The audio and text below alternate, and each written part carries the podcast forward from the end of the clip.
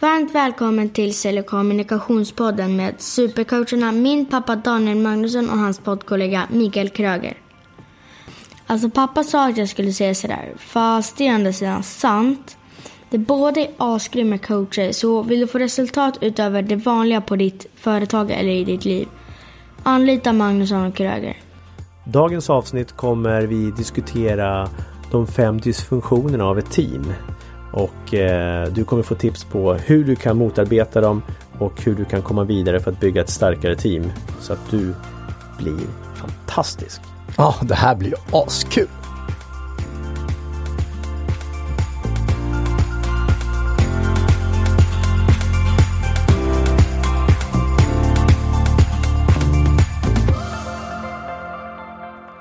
Ja du Daniel, då är ju den här eh, Östersjöveckorna över. Vi har hört massa entreprenörer och chefer och säljare och prata de här senaste fem avsnitten. Mm. När vi var i Finland och spelade in. Nu är vi tillbaks i studion på Vasagatan 7. Och du lyssnar på Sälj och kommunikationspodden med Magnusson och Kröger och det är jag som är Daniel Magnusson. Och jag är Mikael Kröger. Så när du får välja ämne idag då, Daniel? Jag tänker dysfunktionella team. När team inte funkar bra. Okej, okay. hemmateamet, din fru och dina barn. Hur, hur är det hemma? Funkar inte hos er eller? Tack. Jag tänkte i och för sig andra team. Ja, eh, men det är väl också ett team? Ja, det är också ett team, absolut. Det kanske är ett av de viktigaste teamen? Det är definitivt ett av de viktigaste teamen. Definitivt. Det ska vi inte gå in på hur det funkar i det här avsnittet tänker jag. Utan nu tänker jag på team, arbetsteam Mm. som jobbar ihop i någon form. Det kan ju vara allt ifrån eh, tvåmannateam till större team. Ja, per definition så är vi ju en grupp om vi är fler än en. Mm. Sen kan jag tycka att tvåmannateam, eh, det är svårt att få en dysfunktionalitet i själva teamet. Då har du ju Ja. snarare konflikter som ligger till grund av att inte vi gillar varandra och kan samarbeta i Ja, så fall. Så Exakt. vi är ju ett tvåmannateam. Exakt. Ja, och, Kanske dysfunktionellt också Ja, det kan det också vara. Jag tror att, att om, om man säger så här, att team blir väl egentligen mer när du en grupp, när du kanske är upp, uppåt en tre och uppåt. Mm. Och sen så finns det ju en magisk gräns där runt vad är det, 12 personer. Man, Ja, det beror på vilken forskare du tittar på. ja.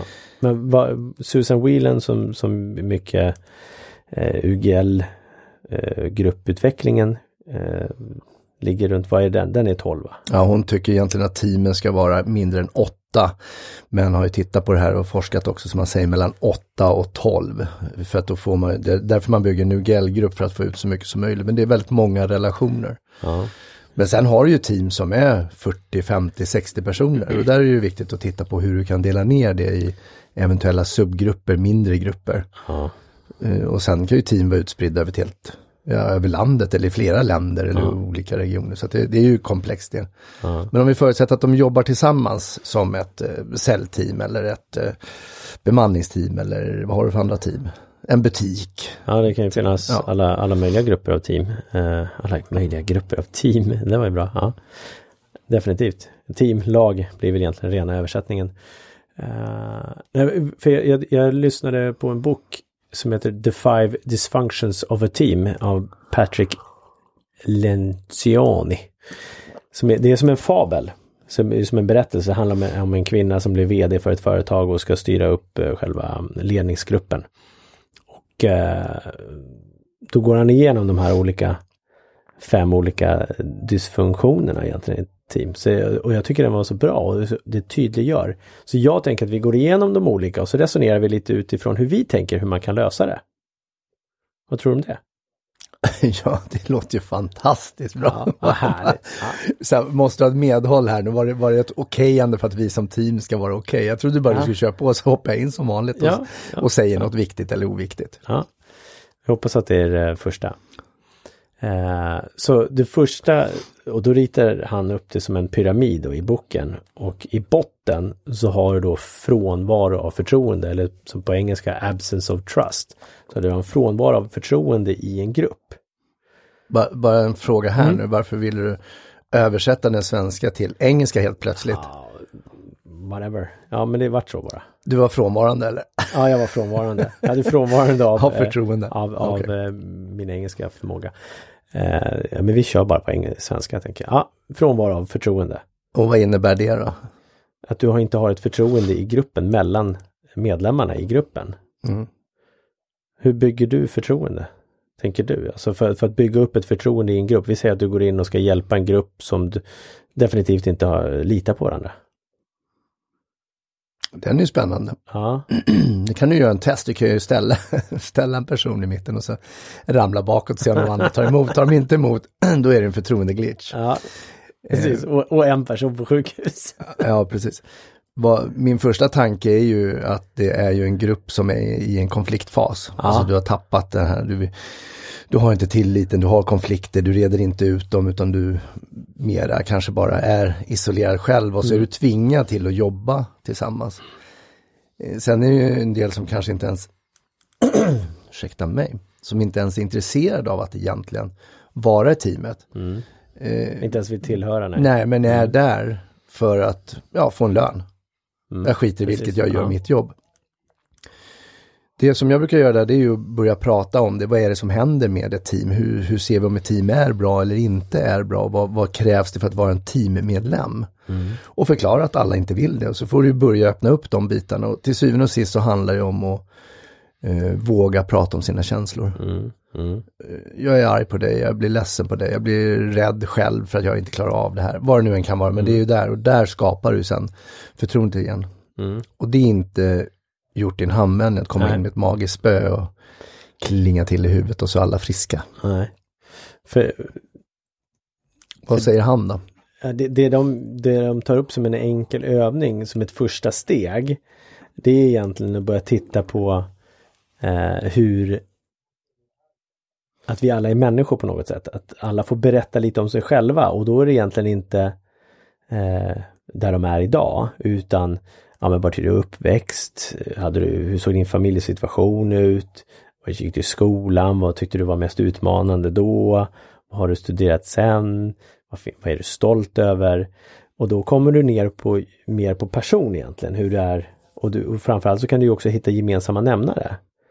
Eh, och, och där kan du börja med egentligen att utforska eh, eller se att vi är ganska lika ändå.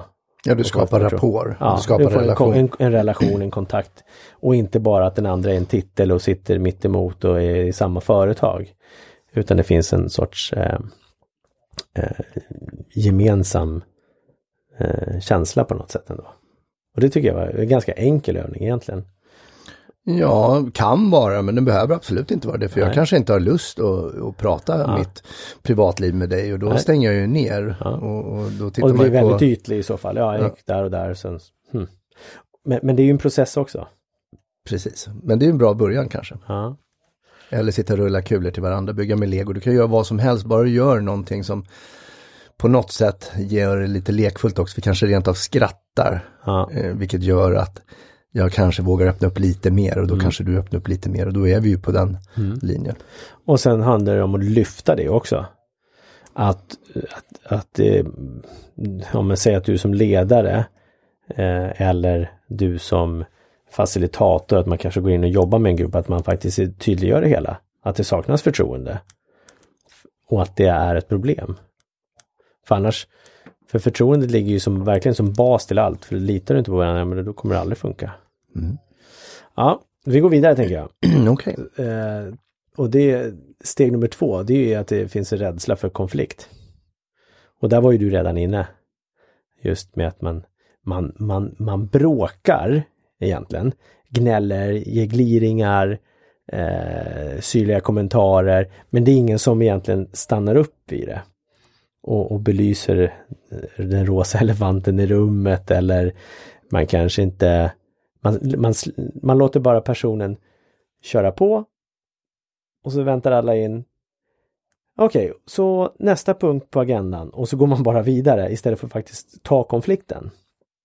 Eh, och man tror att man har konflikter men man har egentligen inga riktiga konflikter.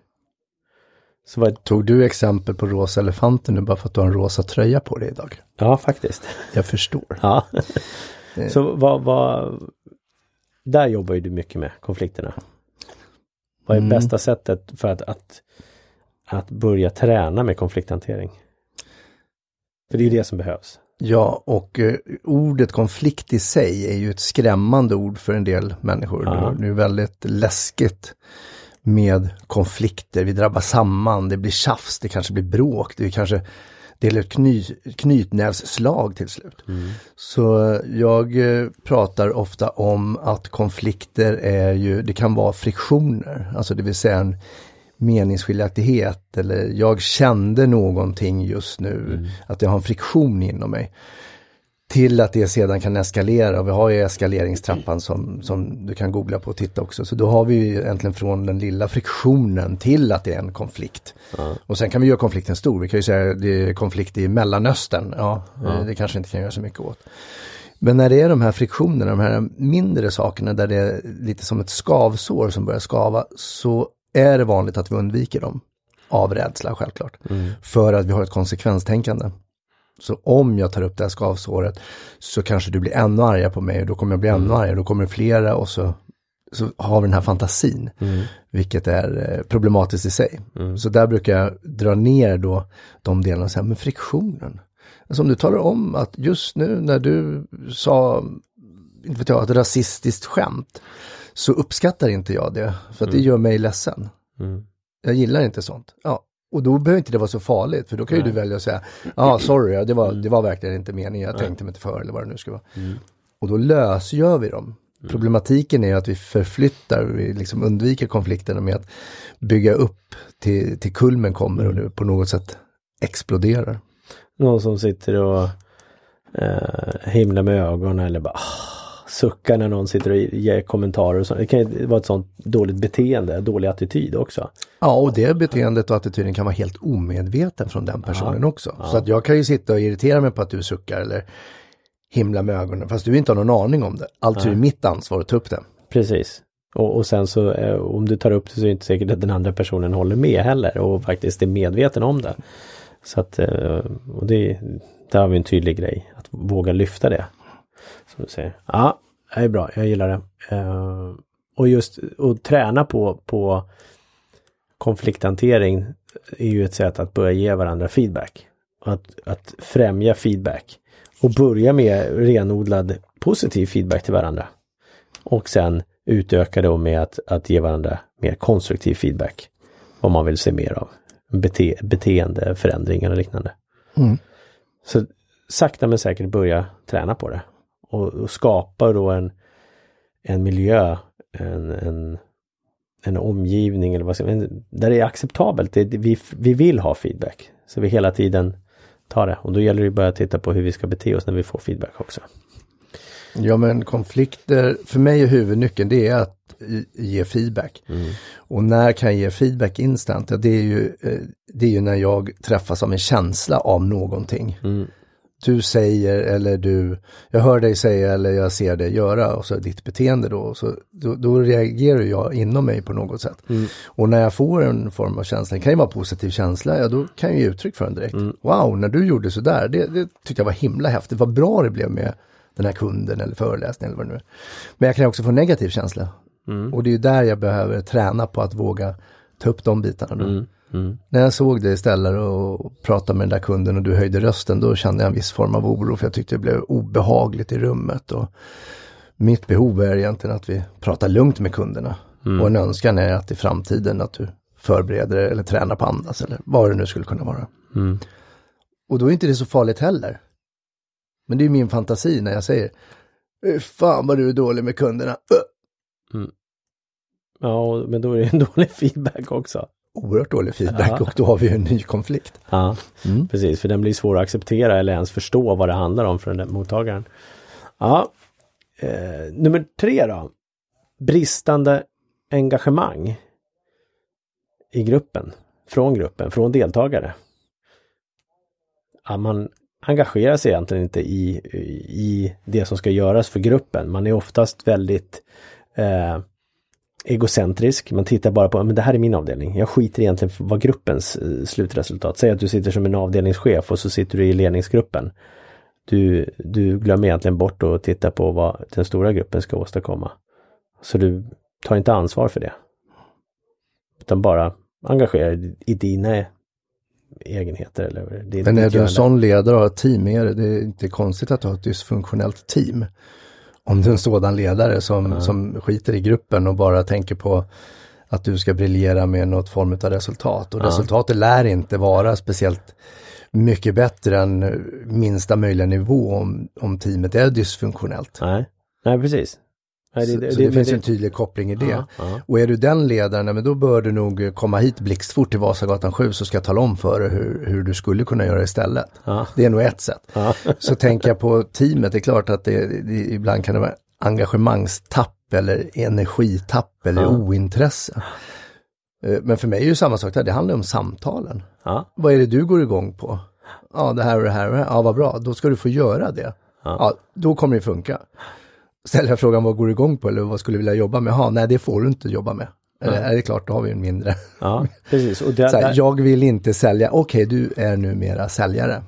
Mm, det är klart att vi möter ett visst motstånd. Precis, ja och där, där, det är sådana situationer som kan komma upp ganska ofta för det många gånger så behöver du göra saker som du egentligen kanske inte tycker är roliga. Och då får man ju faktiskt göra det ändå. Likväl som att du gör andra saker i livet som du inte tycker är så jätteroligt. Eh, så är du ju ändå tvungen att göra dem i någon form. Så att, eh, men det är viktigt, det är som du säger, samtalet är ju viktiga, att lyfta det. Men det finns ju också det, jag tänker så här medarbetaransvar. Ja, Om jag går till jobbet och kräks på mitt jobb och tycker det är tråkigt och allting är bara dåligt, då får jag ju fundera på, är det så jag vill ha det resten av livet till jag går i pension? Kommer jag bli lyckligare där? Eller ska jag göra någonting åt det nu? Ja. Ja, då är det nog vettigare att börja fundera på vad, vad skulle du kunna göra åt det? Vad vill du göra åt det? Och sen gör någonting. precis. Eller acceptera läget och se till att det blir kul. Exakt. Skapa energi. Hjälp dina kollegor att få energi. Knyck energi från dem. Prata, vad, ska vi göra som är kul? Liksom? Vad, Ibland kan det ju räcka med något så fjösigt som att vi high-fivar när det är någonting som är bra eller slänger en tennisboll. Alltså hitta på någonting som skapar någon, någon form av illusion över att det är kul i alla fall. Ja, och där är ju det egna ansvaret som måste ju ske. Du kan inte sitta och vänta på att alla andra ska göra det åt dig. Utan du må, kan ju faktiskt behöva göra det själv också. Mm. Ja, Ja, det är väl ungefär som att tänka sig att den här boken som du pratar om nu föreslår, att den är så bra, men jag köper inte den. Jag vet att jag sitter där jag har dålig energi och det är rörigt och stökigt. Jag köper inte boken för att lära mig eller läsa där, utan jag väntar till eventuellt företaget köper in den. Som inte ens vet om att boken kanske finns. Mm, Typ. Voilà. Ja. Ta ett eget ansvar. ja. Och, och eh, nummer fyra är ju då undvikande av ansvarsskyldighet eller ansvarstagande. Och det är egentligen mot gruppen. Du låter andra komma undan kan man egentligen säga. Eh, med man förväntas leverera någonting men man gör det inte, men man ställer inte eh, man undviker att egentligen ifrågasätta det. Utan det, ja okej, ja men nu vart inte rapporten klar igen. Kallar ju det för destruktivt eh, låt gå-ledarskap eller destruktivt passivt ledarskap. Du bara låter det vara. Ja, exakt. Ja. Eh, Och, och ibland så kan det vara värt att göra det tänker jag. Jo. Eh, Sen beror det på, är det återkommande om och om igen. Mm. Då kan du ha destruktivt aktivt ledarskap där du, där du istället kanske mer hotfull och trycker till. Och ibland kan ju det behövas också. Men, men destruktivt låter ju rätt destruktivt redan från början. Mm. Så det är, ju- det är ju trevligt om vi kanske kan komma upp till det här med autentiskt ledarskap och när vi har positiva grupper där vi har förstår våra roller. Ja. Samtidigt så gäller det att ställa krav. Jag menar, är det någon i en grupp som inte gör något så, så kommer det märkas att gruppen blir ju, eller teamet i sig blir ju irriterade. Ja. Och det, sen krävs ju ett mod att göra något. Ja, men fasen, du kommer ju aldrig in med din rapport. Eh, du når ju aldrig dina resultat eller du levererar ju aldrig i tid. Nej, men då, får du då måste ju gruppen Precis. liksom prata om det. Exakt. Och ibland så, så behöver ju chefen eller ledaren gå in. Mm. Eh, det är dumt att, att strutsa sig igenom ledarskapet. Mm. Och strutsa i ditt fall betyder ju då att Dra huvudet i sanden Ja. och eh, du är inte den som kommer bli ihågkommen när du går i pension eller slutar. Nej. Utan de Ja, som eh. blir ihågkomna det är ju de här som har varit fantastiska. Man säger så här, wow, du har varit en förebild för mig, du har varit en mentor. Mm. Tack för att du har delat mer av ditt ledarskap, kunskap, la la la. Mm. Det är inte den här strutsen bara, ah, du blir, blir snarare så här, Ja, skönt att du går i pension för att eh, ditt strutsande de här senaste 20 åren har, har inte funkat. Du kommer att bli ihågkommen men inte med en positiv minnesbild. Ja, kanske någon vecka sen, sen är strutsen glömd. Ja, förmodligen. ja, så att eh, och där egentligen handlar det om att tydliggöra det också, att man följer upp på det som ska sägas eller det som ska göras. Eh, så att man hela tiden vid avstämningar på möten och sådana saker egentligen bara återkopplar. Och tittar på det och, in, och låter inte någon komma undan med det. Utan att, och att gruppen i sig gör det med varandra. Och självklart kanske ledaren får styra då. Sen kan det ju vara en, en del som är svår att göra, vilket gör jag kanske inte ens har kompetens att göra det här men jag vågar inte tala om det som gruppmedlem. Mm. Jag klarar inte av att lämna in den här rapporten mm. eller jag, jag, förstår inte systemet men jag, jag har gömt mig bakom det hela tiden. Så ibland så kan det ju vara så att det helt enkelt behövs resurser. Ja, ja. I form av vad behöver du hjälp med, behöver tid, eh, behöver gå en utbildning. Alltså det finns ju många ja. medel till att bistå också så det behöver inte vara bara piskan och Nej, verkligen och, inte. slå. Verkligen inte, utan det viktiga är att man, att man inte undviker att, att eh, följa upp. Och, och, och sen också i det här fallet då reda ut, okej okay, vad är det som händer? Och då ställa de här frågorna som du säger. Vad, är det, vad behöver du för hjälp? Behöver resurser och så vidare? Så att du kan hitta det. För undviker du bara, då kommer det ju bara fortsätta. Mm. Ja, sista då, det är då ouppmärksamhet till, till resultatet. Man, man tittar egentligen inte och jobbar inte gemensamt mot det stora resultatet och följer inte upp det. Och enligt eh, han Patrick här, författaren, så är det egentligen att, att det finns ju olika mål för olika avdelningar och allting. Men, men lednings, i det här fallet då en ledningsgrupp eh, ska ha ett huvudmål som hela gruppen jobbar mot. Sen så är det de olika eh, avdelningscheferna i det här fallet som har ju sina egna mål mot det stora målet sen. Så att man hela tiden följer upp på det och tittar på hur det går. Så att man eh, på ett enkelt sätt ser att man kommer framåt. Så man kan, och göra det ständigt och inte så kvartalsrapport eller månadsrapport utan det är mer eller mindre veckor eller varannan vecka som man följer upp. Vad är bästa sättet tycker du för att följa upp mål? ja, först tänker jag på mål. Eh, min tanke blir så här, om jag förstår målet, ja. då kan jag också jobba med det eller mot det eller för det. Eh, men ofta så märker jag i organisationer att det är svårt att förstå målet utifrån mig som individ. Mm. Vi som avdelning, vi som organisation har någon form av omsättningsmål och x antal stora mm. mål mm. som inte är tagbara för mig. Så frågan blir egentligen what's in it for me? Vad mm. betyder det här för mig? Mm. Och där tror jag är jätteviktigt att, att bryta ner, för när vi börjar bryta ner i målen och börjar titta på dem så är de inte kanske så himla komplexa och svåra. Problematiken är att vi ofta använder oss av en svårare metod. Mm. Eh, vad ska jag säga, ett exempel, jag har, vi har en säljavdelning, fyra säljare. Ja, vi ska uppnå 80 kundbesök. Ja, Okej, okay. Det kan ju vara mycket eller lite beroende på vad du jobbar med. Mm. Men bryter du ner det till, men vad betyder det för den enskilda sen? Ja, det innebär ju 20 kundbesök på en månad. Bryter vi ner det på 20 dagar som en snittmånad, då är det ett om dagen.